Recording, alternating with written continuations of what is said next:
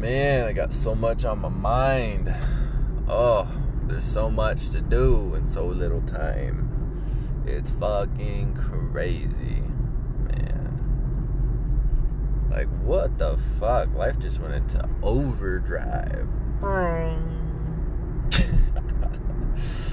oh man, it was cool to go see my grandpa yesterday though. That was so fucking fun. Oh my god.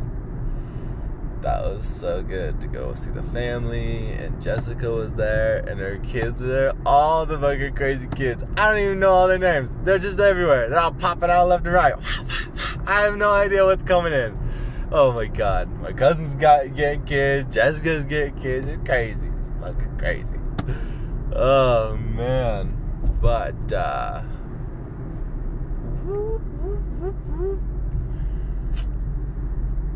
Sorry, just double checking my driving, double checking my my situation.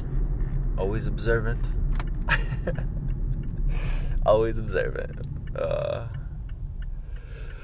but yeah, I fucking played with their kids. It was crazy. I haven't played with kids for like ever since I was a kid. I haven't played with kids since I was a kid.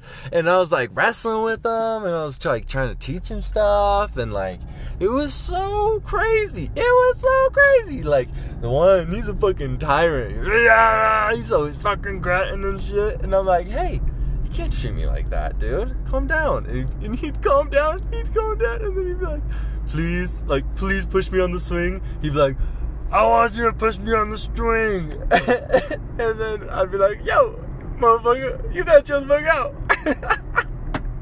and no shit, this little kid, this little dude, he'd chill out, please. And I'd be like, yeah, yeah, man, I'll put you on the fucking swing. oh man, and Zep, she was so funny. Oh my goodness, she's she's crazy. I understand guys. I get guys. I do not understand girls at all. Holy fuck, man. Oh, I'm starting to. I thought I knew. I thought I knew girls. I thought I could like kind of understand them, and then like this new girlfriend just like accentuated everything I didn't know about women, and like now I'm applying it to every woman I know, and it's like Whoa, I don't know a fucking thing. I don't know a fucking thing about girls. What a little fucking bike. That's like the tiniest little motorcycle I ever seen. What the fuck is the point of that thing? Like, I get it. I wanted to get one for my van, on the back of my van for a little bit, because it's like, oh, that'd be cool to have, like, as a little, little trooper, one of those little time motorcycles, little fucking bar hopper, right? But I'm seeing people all over riding those little fucking things. It's like, what the fuck are you doing, dude? If you live here, like, get a decent bike. Like, I don't know, it is a decent bike, but it just looks so ridiculous. It looks so fucking ridiculous. God damn. The cars can't even see you, let alone trucks or fucking semis. Some semi is gonna fucking squash that little bug. God damn. Fuck. Jesus, they're so busy. Oh yeah, but no, I actually decided I want to get a uh, enduro type dirt bike, like a street dirt bike, like a dirt bike that you can drive on the street. That's what I'm getting at. Dirt bike you can drive on the street. I want to get one of them for my van when I fucking get it, or a Chinook.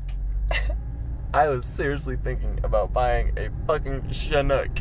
What the fuck? And not even that. The craziest part is it's kind of a good idea. That's the craziest fucking part. oh my god. I was thinking about buying one of those little Toyota Chinooks. The, the fucking, it's like a truck with like a camper kind of thing on it. Man. And I was gonna put a little fucking bike on the back. Oh my god. How fucking funny would that have been? Pretty epic too. I don't know. I don't think that stage of my life is gonna be here for like three years three to five, three to six years, then maybe I'll do like the van life. Um, because I'm already fucking doing it. I got a girlfriend who fucking raised out these motherfuckers. It's crazy. It's motherfucking crazy. Oh my god. Fucking van life, man.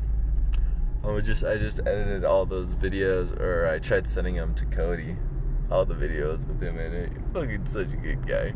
I'm gonna text him tonight. That's something else I gotta fucking do.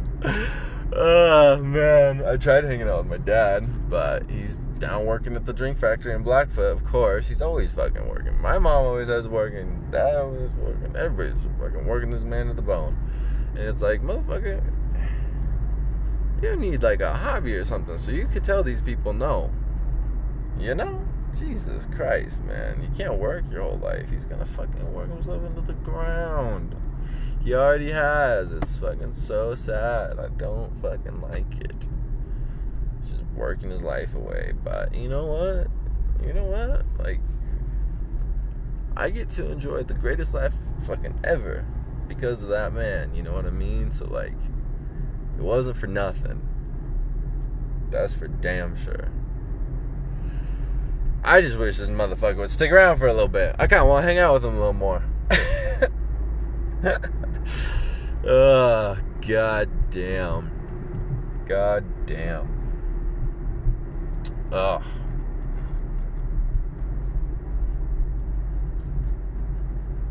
Yeah, man, this world's a little fucking crazy. I mean, fuck, I'm going to Tahoe on Thursday. What? uh, I'm gonna go hang out with my uncle again, man. Uh, gonna be crazy. Might stay there for fucking two, three weeks. Who the fuck knows? Who the fuck knows? Who the fuck knows, huh?